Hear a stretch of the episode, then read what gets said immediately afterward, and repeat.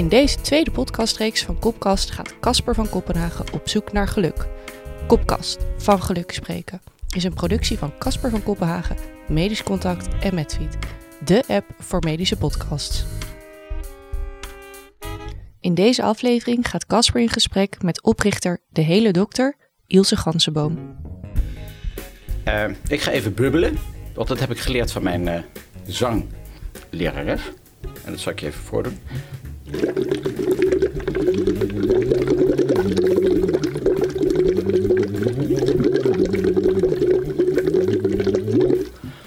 Als je dit al vijf minuten doet, dan ben je totaal ontspannen stem, handen. En uh, nou, dan kun je de, de strijd aan. Uh, om het zo te zeggen. Iedere dokter een coach. Het is het hoogste goed van opleiding is jezelf beter te leren kennen, zei mijn opleider sportgeneeskunde G. van Enst ooit tegen me. Ik vond het nogal individualistisch en egoïstisch bekeken destijds. Want we waren er toch om de patiënt te dienen, het ging toch niet om mij? Maar hij had uiteraard groot gelijk. Want om de patiënt goed te kunnen dienen, moet je eerst jezelf wel kunnen doorgronden natuurlijk. Maar zo natuurlijk was dat niet toen ter tijd. Niet veel later vroeg ik namelijk aan een supervisor of ik niet een coach of psycholoog kon consulteren, omdat ik nogal worstelde met de positie van de sportgeneeskunde binnen de gezondheidszorg en die van mijzelf in het bijzonder. Waarop hij antwoordde: Een coach? Je bent toch niet ziek of zo? Nee joh, gewoon zelf doen. Even doorzetten nu, dat slijt vanzelf. En vooral doen, niet twijfelen. Man, we hebben het mooiste beroep van de wereld, dokter zijn. En zo is het ook. Veel slijt. Met je hoofd schudden en doorhaken is een weg, maar niet altijd. Zeker, de generatie Johan Derksen, zal ik maar zeggen, heeft het zonder gedaan. En we hebben kunnen zien waar dat toe kan leiden, zeg. Mijn hemel, wat een armoedig zelfreflectief vermogen. Hoe dan ook. Ik kan me niet herinneren ooit op voorhand mentale begeleiding aangeboden te hebben gekregen tijdens mijn opleiding. Terwijl er natuurlijk alle aanleiding voor was. In mijn opleiding tot sportarts en tot revalidatiearts werd ik ieder half jaar of jaar geconfronteerd met een nieuwe setting met nieuwe collega's. En in die setting was ik stevast de dokter met de minste ervaring, de minste kennis en de minste kunde. Uit de comfortzone dus, iedere keer weer.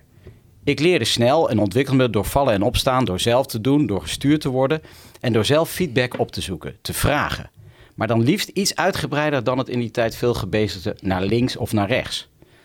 Het meeste leerde ik door te zien hoe rolmodellen het doen. Met afstand de beste manier van leren, naar mijn idee. Maar directe coaching of een keer positieve feedback om te groeien als mens, ik had het graag gehad. Natuurlijk, je moet wel een coachingsvraag hebben, zal iedere coach of trainer als eerste tegen je zeggen. Maar als je niet geleerd hebt stil te staan of te reflecteren, dan komt er gewoon geen coachingsvraag. Omdat die trein daar in die opleiding en helaas ook zeker daarna wel doordendert. Dus ook als je je goed voelt, moet je op zoek gaan naar het waarom je je goed voelt. Het dak dichten als de zon schijnt. Onze aannemer zei het altijd al. In mijn leven ben ik een aantal keren tegen een muur gelopen, waardoor ik wel moest uitreiken naar professionals. Tijdens mijn opleiding sportgeneeskunde, omdat ik in een transitie was van een twijfelloze twintiger naar een dolende dertiger. Ik trof een huisarts als coach, heel comfortabel. De gesprekken gaven me inzicht en richting. Ik besloot te switchen naar de revalidatiegeneeskunde. Nooit spijt van gehad? Waarom niet? Omdat ik het goed doorvrocht, doordacht en doorsproken had. Met Jan en Alleman, maar vooral met deze onafhankelijke professional. Later heb ik nog verder moeten uitreiken toen het leven ons de grote vraagstukken had opgelegd om zelf te beantwoorden en ik eigenlijk niet meer voor of achteruit kom. Waarbij de begeleiding in de zorg, waar ik werkzaam was, verre van optimaal was. Zo eerlijk moet ik ook zijn. Onvergelijkbaar bijvoorbeeld met de begeleiding en het traject dat mijn vrouw bij een zogenaamd commerciële jongen als Heineken mocht doorlopen. In die contraien gold namelijk persoonlijke ontwikkeling als leidraad voor je carrière en niet groeien door ervaring op te doen en te overleven. Terwijl dat natuurlijk hand in hand moet gaan. Vooral ook omdat je als dokter voortdurend met de poten in de klei staat. Over leven, ziekte, verlies en dood beschikt. En er voortdurend een beroep op jou als mens wordt gedaan waarbij de omgeving zich nooit in een ontspannen situatie begeeft. Dat vraagt nogal wat competenties en vooral zelfkennis om die competenties op een juiste manier in te zetten. Dat gaat echt niet alleen via vallen en opstaan. En uiteindelijk, ja, uiteindelijk moet je het allemaal zelf doen. Daar is niets gelogen aan maar een helpende hand om inzicht te krijgen in wie je bent en hoe je de dingen doet. Het is een must naar mijn idee. Want waarom wel twee keer in de week je fysieke conditie op peil houden en niet regelmatig aan je mentale conditie werken? Ik heb veel collega's zien, zich zien afsluiten als mens als reactie op die overweldigende omgeving. Waarbij dan soms het onvermijdelijke doek valt. Jan Willem? Ja, die is een tijdje uit de relatie. Burn-out? Ja, zoiets. Het ging niet meer. Iets fysieks ook trouwens hoor. Maar hij ligt er wel even af. Dat iets fysieks, om de situatie te duiden of af te dammen, gaat er de komende jaar echt wel van af, denk ik. Burn-out, overbelast, overprikkeld, somber, depressief. Het vlammetje wil maar niet flakkeren. We mogen het er namelijk over hebben. De generaties onder ons doen iets anders, lijkt het. Dat baart me dan wel weer veel zorgen, waarvoor ik überhaupt deze podcastserie gestart ben. Ik zelf heb altijd meer vrees voor een bore-out gehad. Vandaar waarschijnlijk al die strapatsen in het maar in beweging blijven. Waarbij ik plat op mijn snuffert ben gevallen. Ook een methode om stil te staan natuurlijk, alleen misschien niet zo volwassen.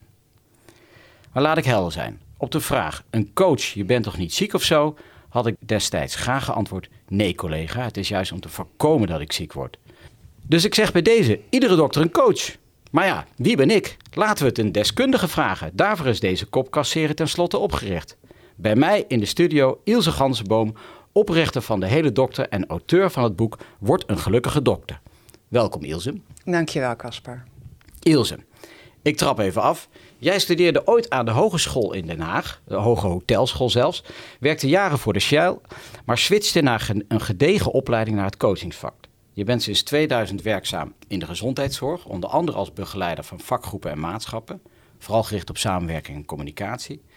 En in 2015 was jij een van de oprichters van de hele dokter met hoogstpersoonlijke opleidingen voor artsen. Geaccrediteerde programma's. Zo waarvan is het, ja. Je ontwikkelde een leergang persoonlijk leiderschap sinds 2016 en binnenkort start, als ik goed heb vernomen, de negentiende groep. die is net begonnen. Die is net begonnen. Ja. En in 2020 bracht jij het boek Word een gelukkige dokter uit. En dat heb ik gelezen en toen dacht ik, die moet bij mij in de podcastserie. de podcastserie van Geluk Spreken. Ilse, ik uh, heette je al welkom. Uh, wij gaan het hier hebben over geluk en wij spreken daarbij van geluk. Um, en daar hou je je al heel lang mee bezig. Dat klopt. Ja. ja. Dus om maar met de deur in huis te vallen, wat betekent geluk eigenlijk voor jou?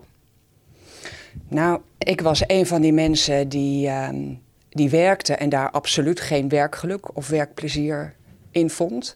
Ik was zelf iemand, hè, je refereerde net aan Shell en ik heb altijd in het bedrijfsleven gewerkt, of althans heel lang in het bedrijfsleven gewerkt. En ik was zo iemand die op zondagavond pijn in de buik kreeg. Uh, het heeft me wel even gekost om daar ook echt naar te luisteren. Wat heeft mij dit te zeggen?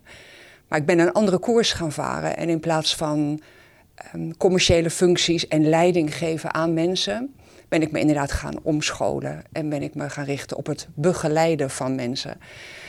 En heel toevallig, denk ik, was mijn allereerste opdracht in het Radboud ziekenhuis. Aha. Ja. En uh, ik weet niet eens meer precies wat ik deed, maar het ging over uh, samenwerking tussen een groep medisch specialisten en een groep hoogopgeleide verpleegkundigen. En dat was gedoe.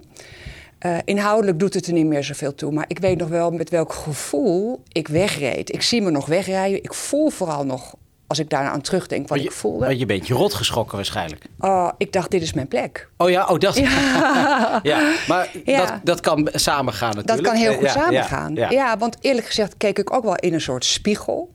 Ik ben zelf geen arts. Hè. Ik heb de Hoge Hotelschool gedaan. Een enorme alfa.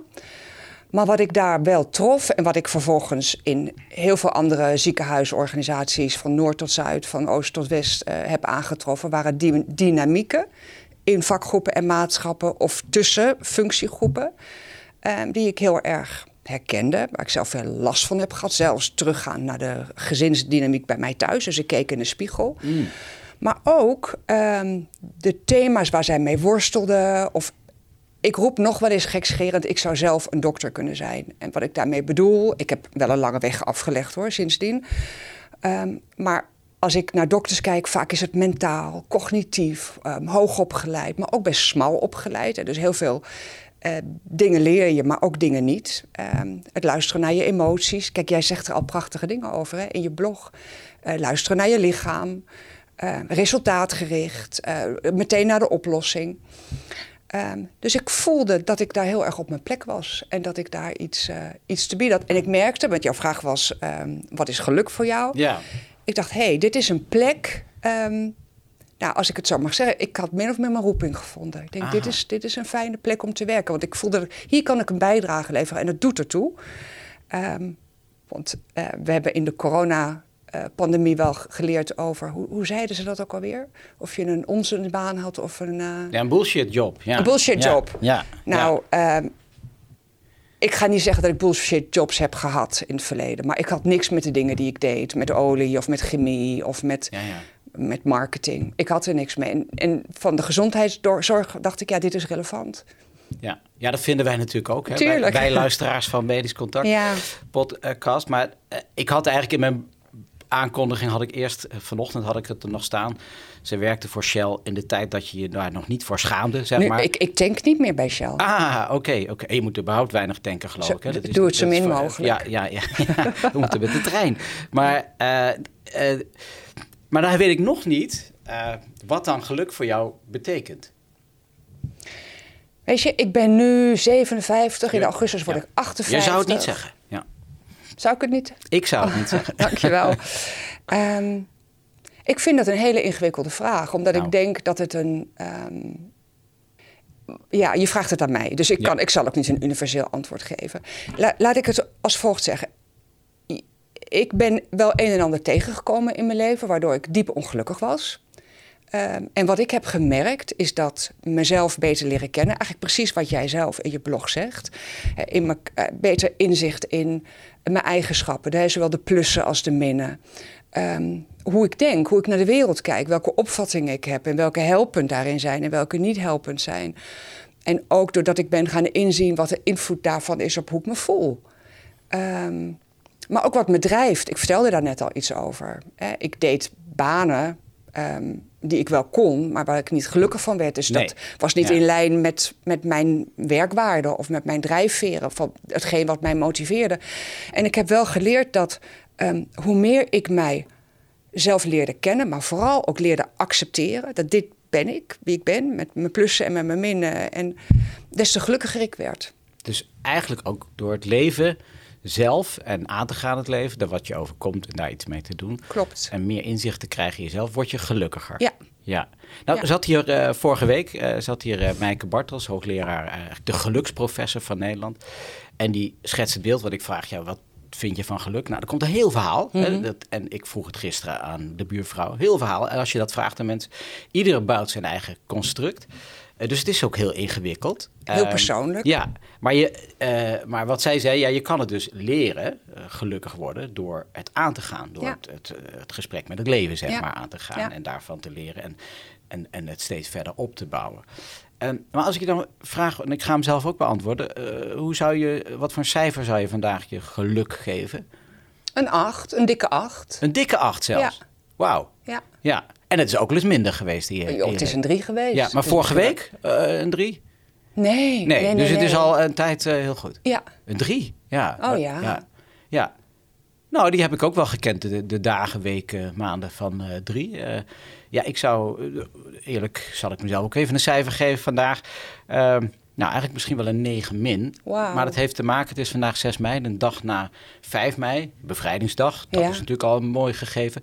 Maar ook de dag nadat Feyenoord de finale van... ja, hij komt toch voorbij. Ja, finale van de, van de Europa Cup heeft eh, gehaald. Nou ja, ik heb gisteren juichend door de kamer gelopen met, eh, met vijf Feyenoord vrienden. Ja, weet je, eh, dit, en, dat, en dan zeg je, ja, wat heeft dat nou met geluk te maken? Nou, Feyenoord supporter zijn gaat over geluk. Namelijk, het is heel veel verliezen en af en toe is winnen. En, maar dat ook omarmen.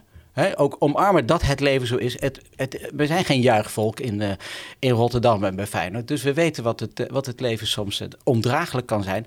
En des te meer genieten van het moment. Dus dacht ik, dat, ik kon hem even niet laten liggen. Dus een Geweldig. 9 min. Ja. En nou, ja, op, op het moment dat dit wordt uitgezonden... dan weten we of die finale ook gewonnen is. Maar eigenlijk doet het niet toe. We staan weer op de kaart. Ehm, nou, vroeg ik straks, ben je rot geschrokken eh, van wat je aantrof eh, in 2000 hè, bij die dokters? Niet helemaal rot geschrokken, maar toch wel een beetje. Eh, maar de afgelopen 20 jaar ben je echt, daarom zit je ook hier in de studio, dedicated naar, die, naar dat doktersvolk Ja. geworden. Ja. Om die Ja. een beetje op te voeden, zeg ik ge- gechargeerd. Nou, dat zou ik zelf nooit, Oh. nooit zo zeggen.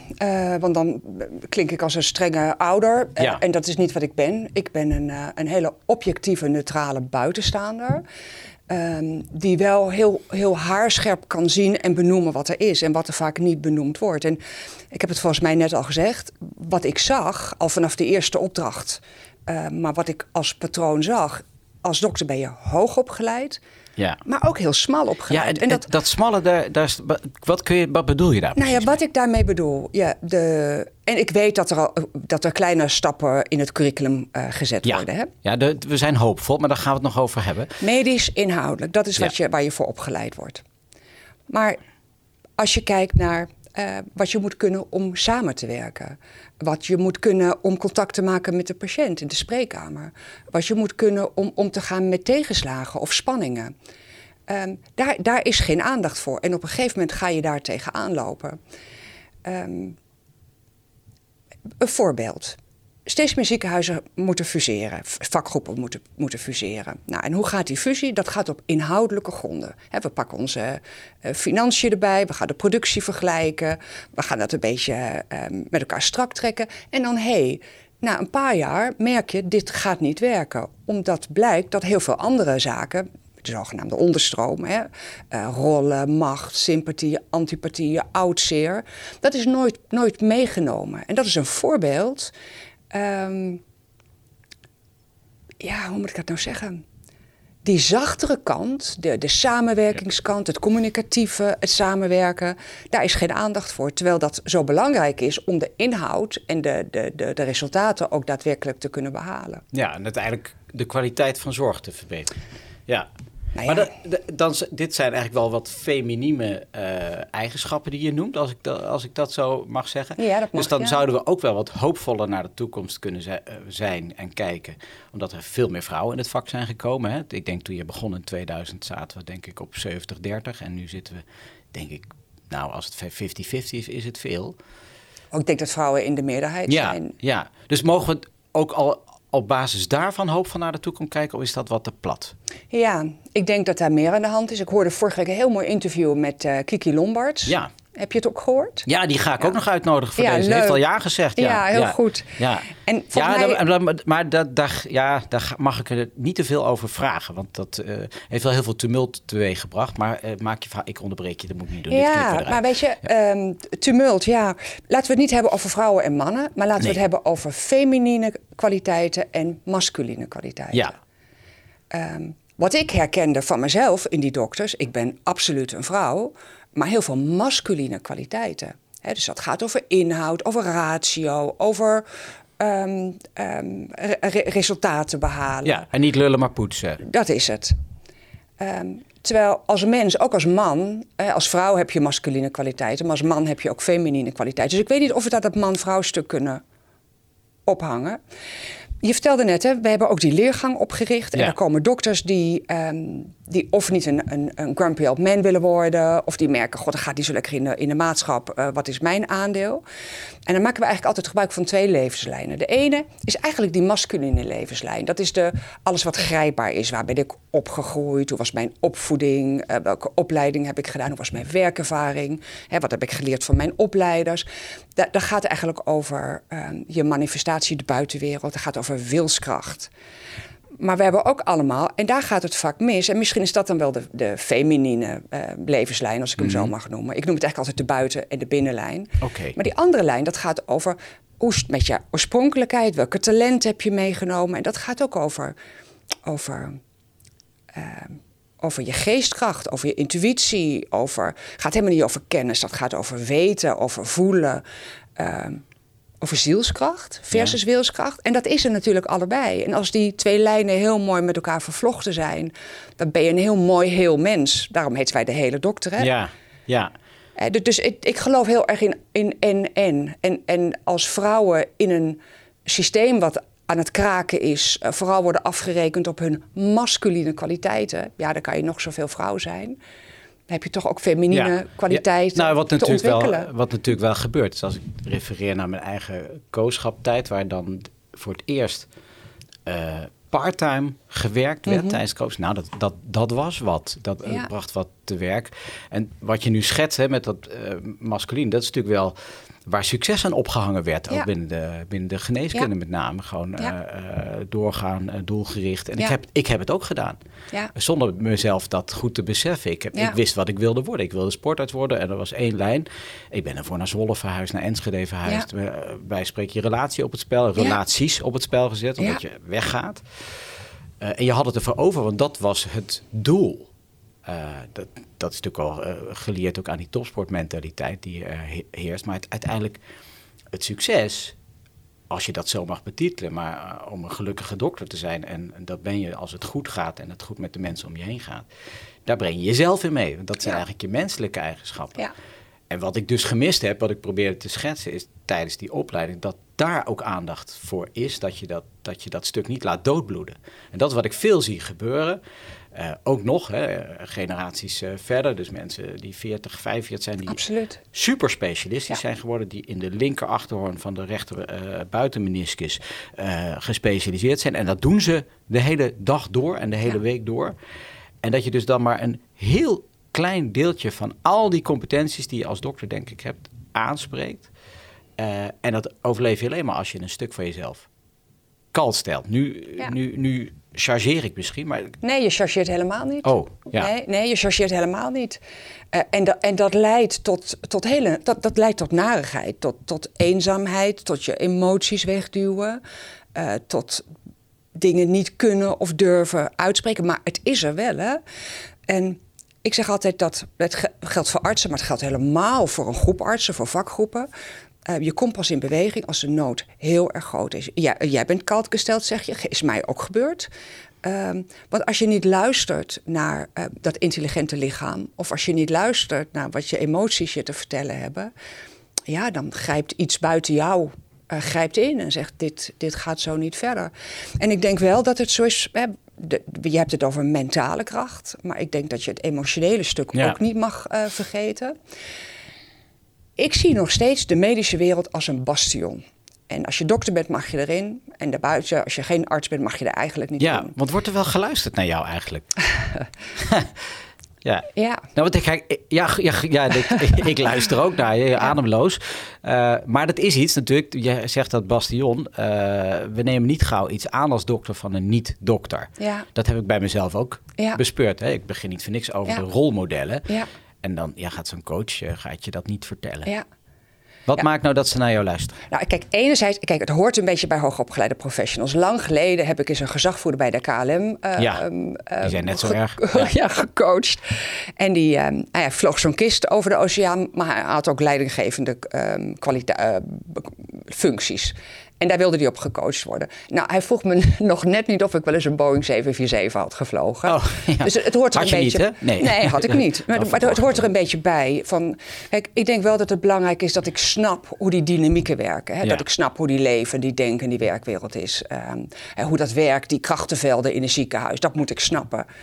Um, maar weet je, mijn werk, dat gaat over die mensen in die witte jas die, dat dokter zei, dat kunnen jullie hartstikke goed. Dat lesje leren we elkaar wel. Tuurlijk, ja. tuurlijk. En anders duiken we de boeken in. Ja, dus um, nee, ze luisteren zeker. Maar, maar ik ben ook best wel een beetje streng hoor. Want dan zeg ik wel, als ik bijvoorbeeld met een vakgroep ga werken, dan zeg ik, ik wil jullie eerst allemaal individueel spreken voordat ik met jullie als groep ga spreken. En dat heeft ermee te maken dat okay. in zo'n groep uh, is het vaak niet veilig. Dat is, dat is ook de oorzaak van het probleem. Ja. Dat dingen niet ja. worden uitgesproken of dat er oud zeer is. En oud zeer zit eigenlijk nooit op. Ja, ze zeggen dat het over geld gaat, over, over de sabbatical die, die, die je niet gegund wordt, over, over het vakantierooster. Maar dat is nooit het geval. Het gaat eigenlijk nooit daarover. Het gaat altijd zaken, over zaken die onder water zitten. Um, dus ik wil mensen altijd eerst individueel spreken. En soms zeggen mensen dan wel, waar moet ik in hemelsnaam met jou anderhalf uur over praten? Ja. en dan na anderhalf uur, dan moet ik ze met zachte hand de deur uitwerken, omdat de volgende klaar staat. En dan merk ik ook, het is ook armoedtroef vaak hoor. Want wie heeft er nou eigenlijk aandacht uh, voor die dokter. Ja. En al helemaal als je eenmaal gevestigd bent en uh, je superspecialisatie hebt ja. gevonden. En, en je, je collega, en, ja, ja, en je collega's nog nauwelijks ziet. Ja. Zo grappig wat jij Oh. zei. To- toen ik zelf voor Shell werkte en ehm, vroeg mijn, uh, mijn leidinggevende, Jim Mullen, een heel aardige schot. We spreken nu over Nieuw-Zeeland. Die zei, goh Ilse, wat heb jij gedaan in het weekend? En toen zei ik, goh, ik ben het hele weekend heb ik een, een opleiding gevolgd samen met mijn man. Dat gaan we volgend weekend nog een keer doen. Persoonlijke ontwikkeling. En zij zei, vertel er eens wat meer over. En dat vertelde ik. En toen zei hij, nou neem de rekening maar mee. Want ik ga de helft betalen. Oh, Ja, kijk. dus, dus het is Ja. een andere wereld. Ja. En die medische wereld, ik ga even stellig zijn, Ja. die loopt 30, 35 jaar achter op dit soort ontwikkelingen in, in het bedrijfsleven. Je hebt er net al over verteld, over Laura bij Heineken. Ja. Andere wereld, veel voedender voor dat menselijke stuk. Ja, nou, ik was daar echt van onder de indruk hoe zij dat aanpakte. Hè, waar ik bij wijze van spreken een klap op mijn schouders heb van... nou, kom op jong, en uh, Doorgaan. Over, over, twee weken weer aan het werk. Ja. Uh, terwijl we hetzelfde hadden meegemaakt, Ja. het, het verlies van twee kinderen, Ja. eh, kreeg zij de opdracht: ja, eh, nou, eh, de komende half jaar schrijf ik je uit, maar Ja. kom wel iedere week koffie drinken. Houden we En- contact. En, en we houden contact. Als je wil, vertel een keer het verhaal. Nou, eigenlijk, hè, dus die, die zachte kant binnen een van de buitenkant hard commercieel bedrijf. Ehm, ja, dat ben ik niet tegengekomen in, in de zorg. En het wordt allemaal beter, gelukkig. met, eh, met, eh, Langzaam. maar, maar wel, wel eh, langzaam. Ja, dat, dat zeker. Want ik heb voor deze podcast ook met een aantal collega's gesproken die dan uit zijn gevallen door ziekte. hè, fysiek dan wel me- mentaal. En daar zijn de verhalen, daar word ik toch nog niet vrolijk van hoe daarmee omgegaan Ja. eh, wordt. En zeker niet als je het dan hebt, hebt over maatschapverbanden. En Ja. jij zit natuurlijk vol verhalen over die maatschappen. Die zou ik graag allemaal horen. Maar ik snap ook wel dat je daar wat terughoudend wellicht in kan zijn. Ehm, maar met zo'n voorbeeld, met een zieke collega, heb je dat meegemaakt? Hoe dat, hoe dat dan in zijn werk gaat in zo'n maatschap? Of dat ze daar wat van vinden? Ja, ehm, een, een, een dame, een hele nare ziekte. Drie kwart jaar eruit geweest. Ze heeft twee telefoontjes gehad in die tijd. En toen ze terugkwam, toen voelde ze gewoon... ik ben eigenlijk niet meer welkom, want ik wil part-time werken. En eigenlijk mocht het niet. Wat een armoe, wat een eenzaamheid. Ja. Ja. Maar mag ik ook een heel mooi Ja, voorbeeld ja geven? dat graag, want we, we willen altijd positief eh, en het negatief. Ja, want ik, ik zeg wel, het gaat, het, het- er zijn absoluut hele mooie ontwikkelingen. En ze gaan langzaam. Maar wat ik een geweldig, ehm, geweldig voorbeeld vond... dat is gewoon een paar maanden geleden... mocht ik in een, in een topklinisch ziekenhuis, opleidingsziekenhuis... mocht ik een, een ronde tafelgesprek begeleiden. En er zaten vijf artsen aan tafel, 40, 45, 50 en twee van 60 ongeveer Dus oud. Gevestigde artsen. waarvan één, één, de man van rond de 60, zei: Ja, ik was een van die apen op de apenrots. Ja. Ehm, mocht ik een ronde. En het ging over het thema burn-out. En ieder, alle artsen, er werd een opname van gemaakt, die konden of online ehm, meeluisteren of ze konden live volgen. Nou, dat vind ik echt een geweldig voorbeeld van de doorbreking van die zwijgcultuur eigenlijk. Ja. Dat het altijd maar goed mag De gaan. omerta. Ja, Ja. ja. En, en, en er was een, eh, een vrouwelijke arts van 60 en ze zei: Ik heb op mijn 40ste een fikse burn-out gehad. En ze vertelde daar heel openlijk over. eh, hoe ze werd geleerd eh, om met haar boosheid om te gaan en wat ze over zichzelf had geleerd. Ze zei: Ja, ik merkte dat ik heel gevoelig was als ik, nou laat ik haar eh, Annette noemen. Ja. Annette, maar dat kan je zo goed. Ze zei, en ik merkte dat ik, doordat ik daar bewust van werd, dat dat een zwak punt van me was, heb ik daar de afgelopen twintig jaar mee leren dealen andere man, andere zestiger, man naast mij, eh, bevlogen opleider. Hij, hij organiseerde symposia. Hij zei voor zichzelf, ja, ik was een van die succesvolle apen op de apenrots met aanzien. En ehm, ik krijg nog kippenvel als ik eraan denk. Hoe openlijk ehm, ehm, hij daarover vertelde, over zijn kwetsbaarheid. Hij heeft zich lichamelijk bijna kapot gewerkt. Krijg, ja, het Ja. is... eh, Dat raakt ik- je nog, zie ik. ja, het raakt mij ja, nog. Want ja. ik dacht, wauw, mensen zoals jij, dat is prachtig, dat Ja. is moedig. Jij laat Dat hij dat deelt. Dat hij dat deelt. Ja, ja. En, en, eh, en al die jonge gasten ook die, die thuis aan het konden kijken of konden terugkijken, denk ik, jij hebt echt een hele mooie Ja. voorbeeldrol. ja. Prachtig. Ik denk Dus- dat hij dat zelf nu ook doorleeft, kan ik me zo voorstellen. Ja, Dat je, ja. als je je opent, dat Ja. je... eh, ja, dat er vaak een, nou, een beerput open gaat, maar dat mensen eh, zich gehoord voelen. En, Ja. eh, ja, dus toch ook die rolmodellen, want dat zei ik daar straks. Dat vroeg ik me af of je het daar nou mee eens bent. Dat je van heel veel leert, maar van mensen waar je dagelijks mee werkt, die dan een soort rolmodel voor je vormen, daar leer je het aller, allermeest van. Dus die moeten het goede voorbeeld geven. Ja, maar daar zit natuurlijk ook het probleem. Want dokters lossen dokters, eh, Ja. eh, leiden dokters op. Ja, ja, en, ja. en volgens mij blijkt uit onderzoek dat als je als, als jonge eh, dokter in opleiding binnenkomt, dat je binnen drie weken het gedrag van je opleider Ja, overneemt. je praat hetzelfde. Je, eh, Ja. Misschien kom je wel binnen met he- ook hele mooie feminine kwaliteiten, maar al Ja. heel snel word je op je masculiniteit aangesproken. En Ja. dan heb je het over machtsstructuren en over een plek willen hebben en over je doel willen behalen. Ja, nou, dan, dan Ja. daar ben je je misschien nog niet eens bewust van, maar dat, dat gebeurt gewoon. Ja. ja, je komt binnen op je sneakers en je spijkerbroek en drie weken later heb je ook een pantalon met Italiaanse Zo is het. Ja, Ja, Dat heb ik zelf ook meegemaakt. Ik draag ze nog, die Italiaanse schoenen trouwens. Maar daar is heel veel discussie over uh, bij ons op de afdeling. Het liefst draag ik ook mijn hippe karoes, moet ik zeggen. Ja. En dat ga ik denk ik ook steeds meer doen.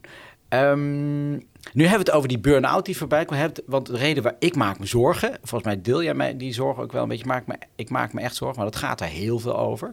En hoe actueel kunnen wij eigenlijk uh, zijn? Ik zat vanochtend in de auto op weg hier naartoe. Meestal kom ik op de fiets, maar ik had vanochtend twee zware koffers mee te dragen met de mobiele set die hier voor onze neus staat. Um, en ik uh, hoorde op uh, NPO 1 een, uh, ja, een, een, een soort, nou, het, het ouderwetse podcast, zeg maar, hè? de radio. een verslag over een onderzoeker van het UMC Utrecht over duurza duurzame inzetbaarheid van artsen. Eigenlijk iets waar jij je de afgelopen twintig jaar aan gewijd hebt. En ik wil even een klein stukje aan je laten luisteren, dan kunnen we daarop reflecteren weet of ze de komende 15 jaar wel zullen doorgaan met hun werk. Journalistiek collectief Spit onderzocht dat. En het is iets dat we vaker horen van artsen. De voorzitter van de Landelijke Huisartsenvereniging, Mirjam van het Veld, legt uit waar, huizen, waar huisartsen zoal tegenaan lopen. Op dit moment is er natuurlijk in de hele zorg een verstopping. En als er een wachtlijst is, bijvoorbeeld in de GGZ, in de jeugdzorg, de wachtlijst in de ziekenhuizen, dan komt dat allemaal op het bordje van de huisarts terecht. En daar stapelen die taken. De huisartsen blijven dan met die verantwoordelijkheid zitten. Een patiënt heeft andersoortige hulp nodig, kan daar niet terecht. En de huisarts blijft dan met die verantwoordelijkheid zitten. Daar komt bij dat er een enorme uh, belasting is op de avond, nacht en de weekenden. Dat zijn vele drukkere diensten geworden. Dat komt er allemaal bij. Huisvestingsproblemen van huisartsen. Ja, en dat maakt dat het enorm stapelt. Maar niet alleen de werkdruk bij de huisartsen is hoog. Ook in de rest van de zorg moeten artsen, verpleegkundigen en ander personeel onder hoge druk werken. Evelien van Leeuwen is onderzoeker bij het UMC Utrecht en promoveert in het najaar op de duurzame inzetbaarheid van artsen. Goedemiddag. Goedemiddag. U hebt met name onderzoek gedaan naar de werkdruk bij eh, artsen in ziekenhuizen. Is dat dan vergelijkbaar met de uh, problemen bij de huisartsen? Ja, dat klopt. Ja, zeker in de veelheid van taken zie je dat, dat daar ervaren wordt dat de, dat de werkdruk ontzettend hoog is. Dat er ook steeds meer bij komt.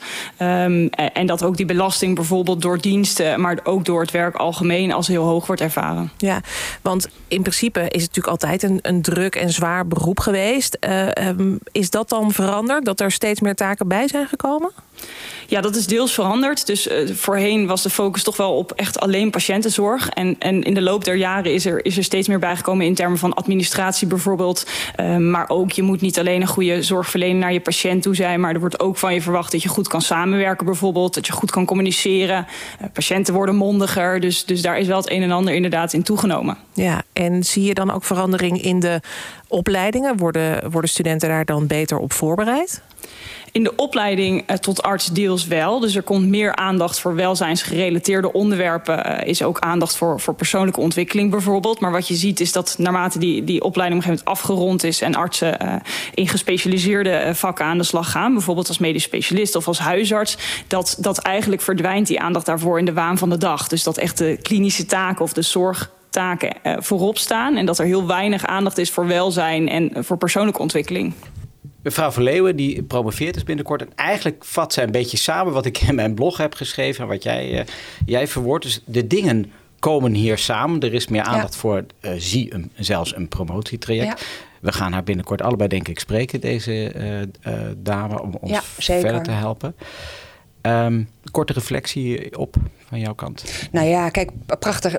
Ik zei eerder smal opgeleid. Nou, de smalte zit in um, weinig aandacht voor de persoonlijke ontwikkeling en weinig aandacht voor welzijn. En wat ik word hier heel erg blij van. Ik vertelde je net dat uh, ik met vakgroepen ga werken, maar eerst mensen individueel spreek. En daardoor kreeg ik op een heel diep niveau um, beeld bij wat er speelt, waar dokters mee worstelen, wat ze lastig vinden. Hè. Dus ik, ik, baseer het ook echt op, op wat ik hoor, ja. hè, from the horse's mouth, om het maar zo te zeggen. Uh, en dat maakt dat wij uh, zeven jaar geleden hebben gezegd van goh, we gaan niet alleen vakgroepen begeleiden, maar we gaan dokters individueel iets aanbieden, individueel in een groep. Um, en we hebben eerst een rondje door het land ge gemaakt. Hè. We hebben gesproken um, met de Academie voor Medisch Specialisten. We hebben gesproken met uh, um, uh, allerlei bestuurders, met allerlei medische staven, noem het maar op. Allerlei mensen die wij kenden hè, vanuit ons eigen netwerk.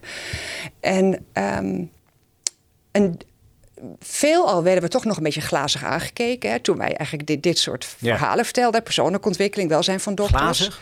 Glazig, wazig aangekeken van wat bedoel je eigenlijk? Hè? Waar heb je het over? Waar gaat dit eigenlijk over? Ehm, Ja. Maar er was ook één bestuurder van een ziekenhuis en ehm, die zei: Ilse, het is absoluut waar ehm, wat je ziet en het klopt wat je ziet, maar realiseer je, je bent nog een beetje vroeg met wat je wil. Maar ga vooral door. Ehm, en als ik het eens ehm, dacht van nou, doe ik het wel goed en eh, misschien loopt het niet helemaal zoals ik wil, dan belde ik haar en dan zei ik, vertel me nog even wat je destijds zei. Zei ze, Ilse, gewoon doorgaan, want het is belangrijk. Het is super relevant en het wordt alleen maar relevanter. En toen ik eh, Evelien van Leeuwen op de radio hoorde met dit verhaal en zij houdt eigenlijk een pleidooi dat, dat nascholing in de vorm van aandacht voor persoonlijke ontwikkeling, dat het verplicht moet worden.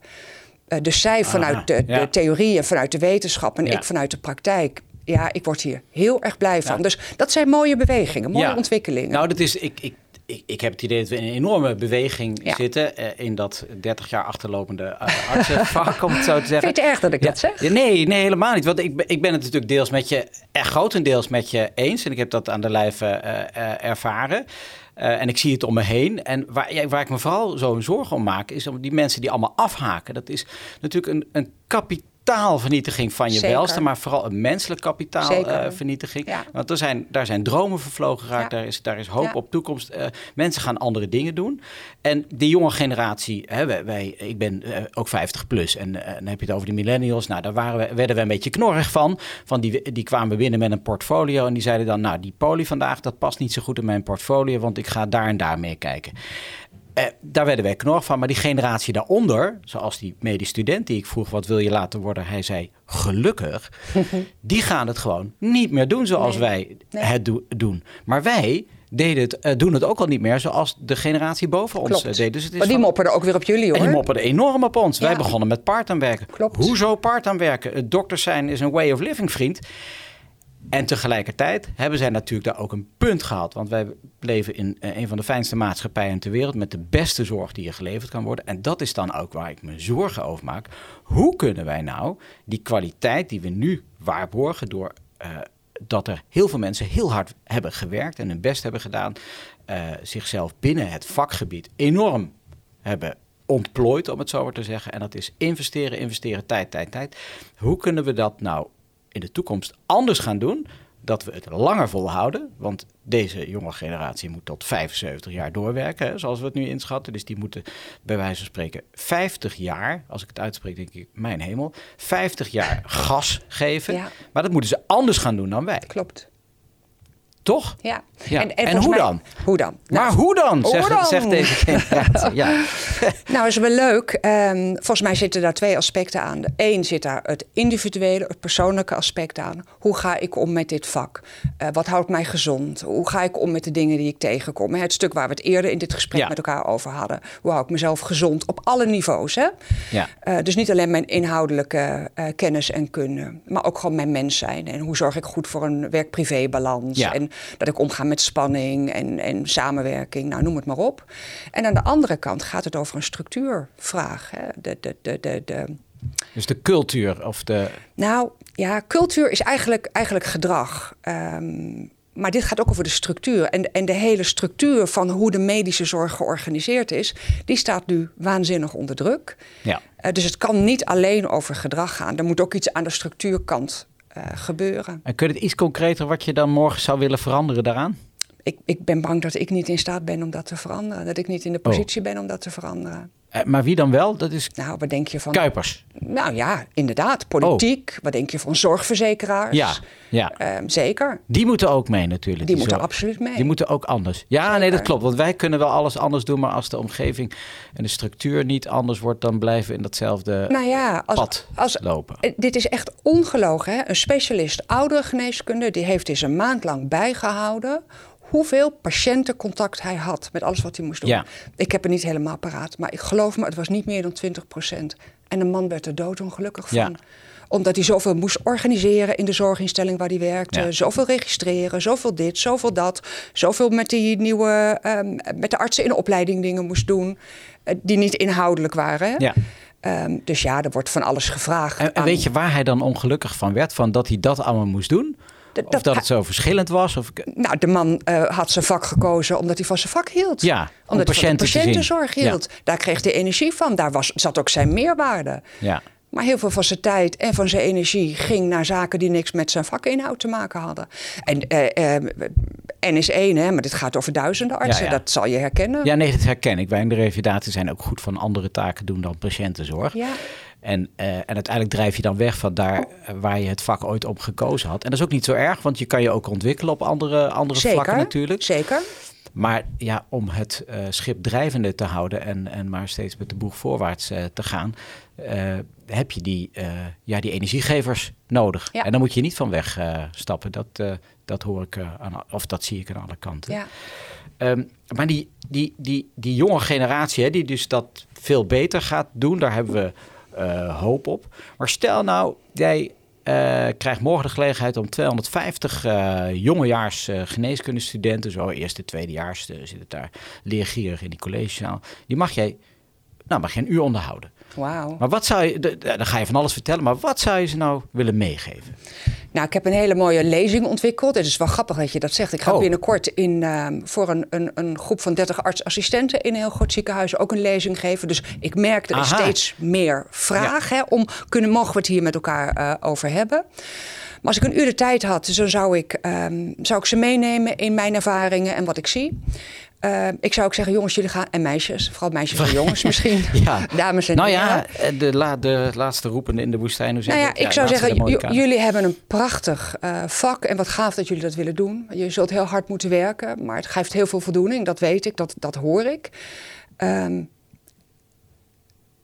je komt in een systeem terecht en jij verwees er al eerder naar. We hebben hele mooie gezondheidszorg in Nederland. Ik ben in 2016 van een paard gevallen op het strand in Noordwijk. Oh. En ik heb mijn C1 gebroken.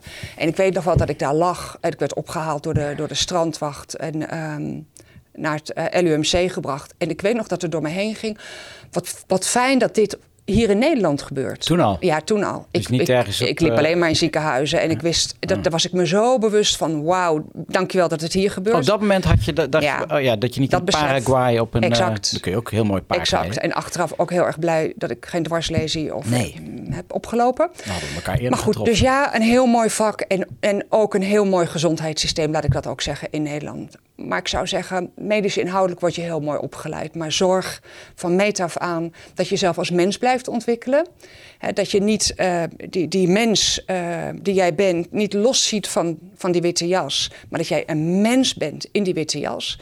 En hoe eerder je dat uh, integreert, um, hoe completer je wordt als dokter. Maar daardoor ook hoe beter je wordt als dokter.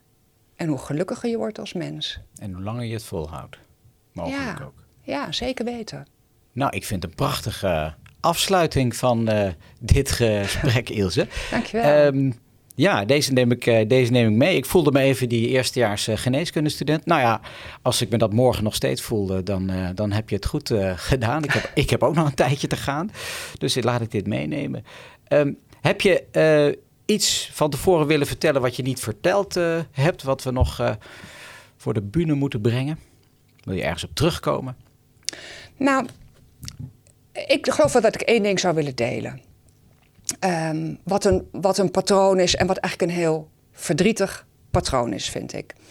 Um, ik denk dat ziekenhuizen hele ingewikkelde organisaties zijn. Hè? De meest ingewikkelde organisaties Ever. gelezen. Geloof ja. me, absoluut. Met al die Ik verschillende functiegroepen en belangengroepen ja. en gedoe. En dat zijn eigenlijk eilandjes. En die eilandjes, daar mogen veel meer bruggen in geslagen worden. Dus als je mij vraagt, goh, wat zou je doen als je daar uh, positie of, of, of, of invloed of macht ja, Als je morgen bestuurder van een groot ziekenhuis was. Nou, dan zou ik echt ontzettend adviseer, uh, investeren in, um, in bruggen slaan tussen die verschillende um, vakgroepen. Maar wat ik ook zou doen, um, ik zou die, die vakgroepen leren om het niet alleen over inhoudelijke zaken met elkaar te hebben, maar om ook te leren om het met elkaar over, um, ja, over meer gevoelige zaken te hebben, die, die een rol spelen. He, oudzeer, opvattingen, oordelen, angsten, uh, eenzaamheid. Omdat die van enorme invloed zijn op het welzijn van een dokter. op het moment dat je het daarover kan hebben, ehm, doet dat enorm veel. Want dan blijkt dat hey, er nog veel meer speelt in die vakgroep. hey, en dit is er ook aan de hand. En dit is er ook aan de hand. Heel recent heb ik zo'n gesprek begeleid met een, um, met, een, uh, met een IC... die een hele ingewikkelde periode achter de rug hebben. Dat, nou, dat, mag duidelijk zijn. Ja, ja. En alleen al dat kunnen delen met elkaar... Uh, van hoe dingen zijn. En dan komen ook um, um, misverstanden naar boven en dingen naar boven... En ik geloof dat ik dat misschien dan ook nog wel als advies mee zou willen geven aan, aan, aan gevestigde artsen. Zorg dat je aandacht hebt voor die zaken, voor het welzijn in de vakgroep, voor de onderstroom. Um, omdat, en dan pakken we weer even het onderzoek van Evelien van Leeuwen ja. erbij. Als we het hebben over duurzame inzetbaarheid van dokters, dan zou ik niet alleen investeren in de jonge garde die nu in de opleiding is. Ik zou ongelooflijk investeren in de dokters die, um, die, die hier nu zitten en heel actief zijn en die ook nog een flinke tijd voor de boeg hebben. Jouw generatie, maar ook jonger. Ja. Um, omdat die niet veel hebben meegekregen op dit gebied. En omdat het patroon daar is, we wachten tot de pleuris uitbreekt of omdat nummer drie omvalt. Ja. Ja. Dus als ik bestuurder was, plakken. maar ook ja. medisch bestuurder ja. was, en ook dat zie ik steeds meer gebeuren, zou ik daar echt in investeren. Voor de duurzame inzetbaarheid van dokters. En gelukkige dokters. Nou, ja. Ik, uh, ik ga met je, met je mee. Uh, ik en mag mogen... ik dan ook nog zeggen dat een gelukkige, do gelukkige dokter betere zorg levert? Een gelukkige dokter levert betere zorg. Nou, daar uh, kan ik alleen maar een uitroepteken uh, achter zetten. Dankjewel voor dit uh, fijne gesprek. Heel graag en, gedaan. En heel leerzaam. En dankjewel voor de uitnodiging. U luisterde naar Van Geluk Spreken. Een podcast van Casper van Kopenhagen. In samenwerking met Medisch Contact en Medfeed. De app voor medische podcasts. Niets missen van Kopkast? Abonneer je gratis op de podcast.